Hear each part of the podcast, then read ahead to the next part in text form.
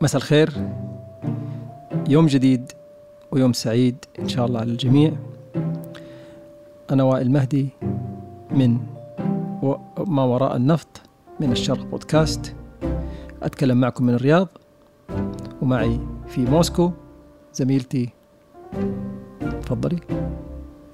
هاي وائل أنا سحر المزاري من آه كمان وراء النفط ما وراء النفط كمان بعدني من موسكو هذا آخر بودكاست من موسكو البودكاست الجاي رح أكون أنا في please دبي please سحر. أرجو أن يكون الأخير. نحن خلاص قربنا نتحول إلى روس من كثر ما تكلمنا عن روسيا. بس ما هذا هو الأسبوع الأهم. هذا الأسبوع يعني اللي يعني بهذا الأسبوع بدأت هاي الحرب اللي غيرت العالم كله لا أنت لازم ترجع الاقتصادي لازم على ترجع دبي السياسي. خلاص كفاية موسكو. كفاية موسكو كفاية كلام عن روسيا. طالما أنت في موسكو رح نتكلم عن روسيا. طب ما فينا ما نحكي عن روسيا. في حزمة عقوبات عشرة على روسيا. صحيح. طيب خليني أسألك. صحيح بالنسبة لموضوع العقوبات حزمة العشرة فعلاً. عقوبات ممكن- شوي تعطينا فكرة عن موضوع العقوبات لأنه أنا أنا نفسي ودي أعرف إيش إيش اللي أقروه اليوم على روسيا؟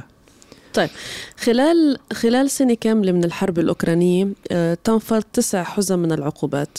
آه، ركزت على قطاعات مختلفة أهم القطاعات القطاع المالي قطاع الطاقة وقطاع التكنولوجيا أو التكنولوجيا العسكرية بالتحديد والتقنيات المتقدمة. هلأ الحزمة العاشرة اللي تم الإعلان عنها آه، يعني عندما أكملت هاي الحرب عامها الأول ما حكت عن الطاقة.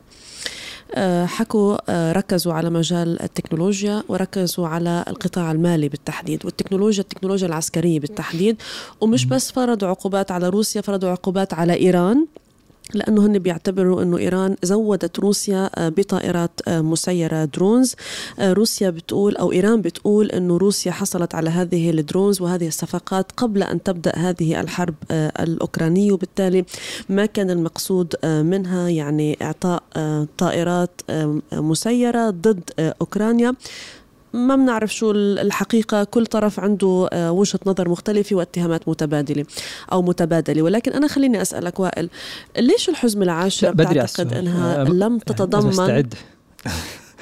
لا بدري على استعد. في سؤال جايك. ليش الحزمة العاشرة لم تتضمن قطاع الطاقة لا النفط ولا الغاز؟ هل علشان الدول الأوروبية تعبت من هذا الضغط أم أنه أم هذا الموضوع سيستثنى من اليوم ورايح لأنه العلاقات متشابكة ومعقدة وربما يعني لا يوجد بدائل كافية عن النفط والغاز الروسي. لهلأ. لا اولا لأن العقوبات الأخيرة آه، النفطية اللي تم تطبيقها على روسيا قريبة جدا. يعني نتكلم على السقف السعري. على ال- النفط كان في ديسمبر خمسة تقريبا.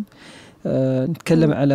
آه، الحظر كان كذلك في ديسمبر نتكلم على الس- السقف السعري على المشتقات النفطية كان في فبراير فإلى الآن كل هذه ال- العقوبات جديدة ولا زالت تحت التقييم والمراجعة فمن المبكر جدا إنهم يدخلوا في حزمة جديدة بدون ما يعني يتأكدوا من سريان ومن صلاحية ومن تأثير الح- الح- الحزمة اللي أقروها مؤخرا يعني إحنا نتكلم على ديسمبر نتكلم على. فبراير وهم أصلا آه، راح يراجعون السقف كل شهرين.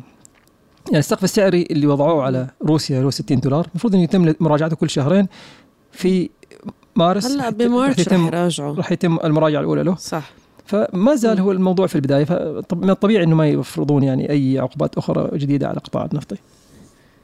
أم كمان خلينا نضلنا نحكي عن روسيا شوي. في خبر اليوم كنا عم نقرأه على بلومبرج خلينا نفسره أنا وإنت أكثر إحنا بنعرف أنه في الحظر المفروض على روسيا فيما يتعلق بالنفط هو الحظر على النفط المنقول بحرا. وبالتالي آه، يعني روسيا بتنقل ال- آه، وائل بعدك عم تسمعني؟ نعم. okay آه بالتالي بتنقل النفط إلى الدول الأوروبية ودول العالم عبر البحر.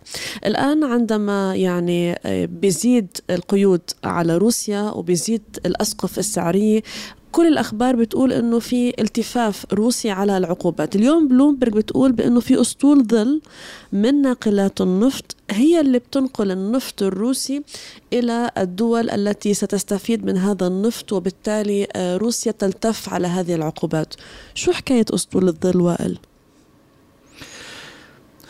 طيب نرجع خطوة للخلف ونتكلم عن الهدف من الحظر. هل الهدف من الحظر في الأساس هو آه، تقويض قوة روسيا المالية أم تحجيمها آه، وتقليل صادراتها إلى الأسواق العالمية طبعا المعلن أنه الهدف الأول إنه تقويض القوة المالية بحيث إنه روسيا تكون إيراداتها المالية أقل عشان ما تستمر في الحرب. طيب جميل. م. معنى هذا إنه من الطبيعي جدا إن روسيا تستمر في تصدير نفطها بكميات عالية طالما إنها طالما إن النفط هذا يروح للأسواق بالسقف السعري. هذا هو الهدف. الهدف الهدف إنه أغلب النفط أو إذا غالبية صادراتها تكون 60 دولار وأقل. هذا بالنسبة للنفط. بالنسبة للمشتقات ديزل غازولين 100 دولار وأقل. آه لزيت الوقود الثقيل 45 دولار وأقل. طيب. روسيا لا زالت تصدر عن طريق الأنابيب. عندك يعني تصدير عن طريق آه عندها خام ESPO اللي هو ال East Siberian pipeline هذا لا زال ينقل النفط. وعندنا كذلك انبوب آخر هو دروزبا لا زال تستخدمه روسيا. وعندنا الشحن البحري. موضوع ناقلات الظل الهدف منه في الأساس إنه روسيا تبيع بأعلى من السقف السعري. ليس ال ال الهدف إنه روسيا يعني تبيع أكثر أو تصدر أكثر لا بالعكس. من مصلحة مجموعة السبع من مصلحة الاتحاد الأوروبي إنه النفط الروسي ما يتوقف على الأسواق عشان تبقى أسواق يعني اوصف أسعار النفط في مستويات معقولة ما ترتفع عليهم هم كمستهلكين. لكن روسيا تنقل بحرا تقريبا 50% من نفطها بينتقل عن طريق ناقلات الظل أو اللي هو أو اسطول الظل. طبعا هو الغالبية 50% من النفط الروسي يعني ينشحن عن طريق شركة آه، آه، سوفو آه، كوموفلوت. تمام؟ هي شركة م. روسية. فلهذا السبب هذا النفط أو 50% من من الصادرات تروح للأسواق بأعلى من السقف السعري. السؤال. بسبب اسطول الظل؟ بسبب اسطول الظل. لأنه لأنه ما حد له قدرة على يعني فرض سقف سعري على على أسطول الظل ولا في أحد عنده القدرة كذلك على فرض سقف سعري على النفط المنقول عن طريق أنابيب النفط. لاينز فهذا النوع يعني هذا النفط المنقول على أسطول الظل وال pipeline ما يختل السقف السعري طيب هنا إحنا قاعد نتكلم عن يعني ما هو أسطول الظل؟ طيب أسطول الظل هذا عبارة عن آه، سفن تغير من أعلامها أو سفن قديمة يتم استخدامها في الأساط في قبل الشركات تدخل الخدمة وتنقل النفط بعيدا عن التأمين لأنه هذه هذه السفن إذا أرادت أن تحصل على تأمين ما تستطيع الحصول على تأمين بال يعني المعايير الدولية إذا كان النفط المنقول عليها روسي بأعلى من 60 دولار. فهذا الأمر يعني آه يعني هذا الأمر اللي أتوقع روسيا تمكنت من خلاله إنها تستفيد من أسطول الظل. طيب سؤالي. طيب تفضل. سؤالي أنا وائل. بحسب بلومبرج بيقولوا إنه هذا الأسطول الظل أو هاي السفن اللي هي بتنقل هذا النفط الروسي بطريقة يعني يعني غير شرعية بتغير أعلامها وبالتالي تلتف روسيا على العقوبات كمان تم استخدام جزء من هذا الأسطول بنقل بعض النفط الإيراني وبعض النفط الفنزويلي اللي أيضا عليه عقوبات. طب يعني كيف المجتمع الدولي كيف أمريكا كيف كل هذه الدول غير قادرة على إيقاف هذه الناقلات ناقلات أو أسطول الظل؟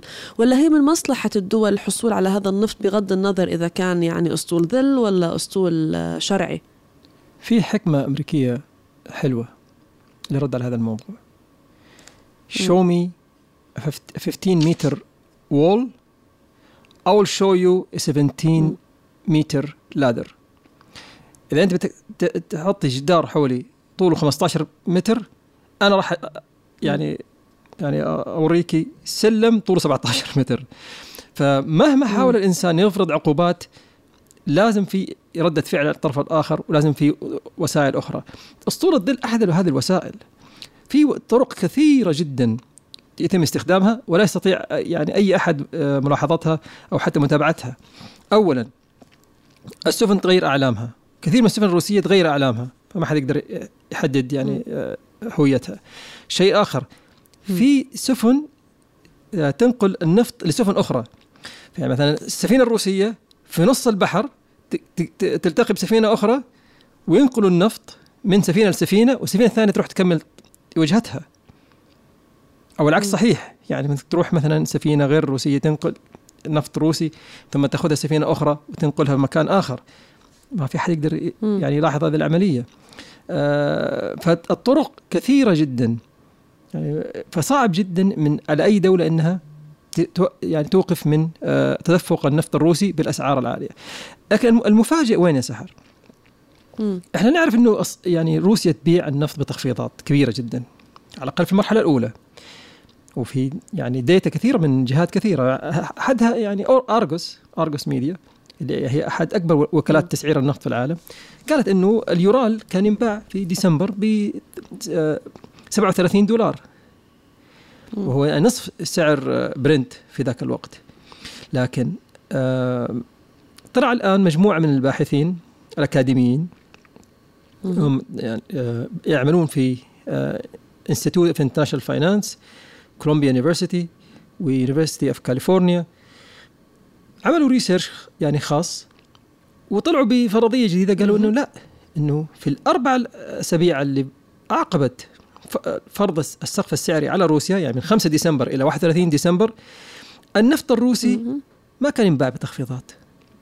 النفط الروسي كان ينباع بأعلى من السقف. وذكروا العديد من الأرقام. خليني أذكر لك بعض بعض الأرقام. آه، بالنسبة للنفط الذي يتم نقله من بحر البلطيق أو موانئ بحر البلطيق في روسيا هذا كان يعني ينباع بالسقف السعري. كان الافرج أو المتوسط 59 دولار 59.8 يعني 60 دولار. إذا تكلمنا على النفط المنقول من البحر الأسود من موانئ البحر الأسود كان المتوسط أعلى قليلا من السقف السعري عند 63 دولار. بينما النفط الذي يتم نقله عن طريق الأنابيب إلى الصين يعني عندك أنبوب إسبو نتكلم على 80 دولار. ولما نتكلم على النفط اللي ينقل على آه، أنبوب دروزبا المتوسط 63 دولار. فمو كل النفط الروسي كان ينباع ب يعني تخفيضات كبيرة أو ينباع بأقل من السقف السعري. أي. لكن طبعا إحنا في جزء الآن مهم كذلك يا آه، سحر لازم نتكلم عنه إنه إحنا روسيا الآن عادت طريقة حسابها للضرائب على النفط. فبالتعديل الجديد اللي تم إقراره مؤخرا روسيا راح تكسب 8 آه، فاصلة ثمانية أو تقدر نقول 9 مليار دولار إضافية من من الضرائب على النفط. هذه راح تروح يمكن هذا اللي بيفسر آه، هذا يمكن بيفسر وائل آه، قدرة الاقتصاد الروسي على الصمود بعد عام من هاي الحرب. لهلأ على العموم نحن ما بنعرف. خلينا نشوف العام الجديد من هذه الحرب اللي بدأ من لا. اليوم أو من امبارح 24 فبراير. كيف رح يكون صحيح. شكل الاقتصاد الروسي؟ وكيف حيكون تعامل الغرب وكذلك روسيا مع الصادرات النفطية؟ وهل بالفعل يعني الاعتماد على الصين وعلى الهند كافي؟ رح نشوف. على كل الأحوال كنت معكم لكن خليني خليني أنا لكن خليني قبل نختم سحر بس أقول معلومة مهمة عن عن أسطول الظل. أسطول الظل يعني ما في رقم محدد له إلى الآن. ما نعرف كم عدد السفن التي يتم استخدامها ولكن شركة ترافيجورا ل يعني تجارة النفط آه عندها تقدير مبدئي لعدد الناقلات. قالوا إنه هناك 600 ناقلة صحيح. تعمل في أسطول الظل. 400 400 ناقلة منها تنقل نفط خام و200 تنقل مشتقات نفطية. فلا زال الم... فالعدد كبير ولا زالت الأمور في بدايتها. وروسيا لا زالت عندها في يعني امكانياتها الكثير من آه القدرة على المناورة والقدرة على يعني آه زيادة دخلها من من النفط. وبالتالي ومثل ما أنت قلت بالأول نحن حتكون يعني في وضع أفضل هذه السنة. صحيح. لا ولكن مثل ما أنت قلت بالأول الهدف الأساسي من الدول الاوروبيه هو يعني تقليص إيرادات آه، روسيا مش منع النفط الروسي من الوصول إلى الأسواق وبالتالي من هون بنشوف آه، يعني هالشد والجذب بين الدول الاوروبيه والغرب من جهة وروسيا من جهة ثانية. وربما تكون هاي الدول بتعرف عن أسطول الظل سواء 600 أو أكثر من 600 ناقلات ناقلة ما بنعرف. يعني ما بنعرف وين الحقيقة. رح نستنى مزيد من التفاصيل. كنت معكم أنا سحر مزاري من موسكو. آخر بودكاست من هالسفرة ما بنعرف يمكن يكون في سفرات مقبلة. أشكركم. وهذا كان معكم ما وراء النفط من الشرق بودكاست. وأنا وائل مهدي من الرياض. ترجع بالسلامة إن شاء الله يا سحر. ونتكلم عن شيء آخر غير روسيا. روسيا لهلا يعني تتصدر المشهد. يلا باي باي شكرا. يلا تحياتي. Bye.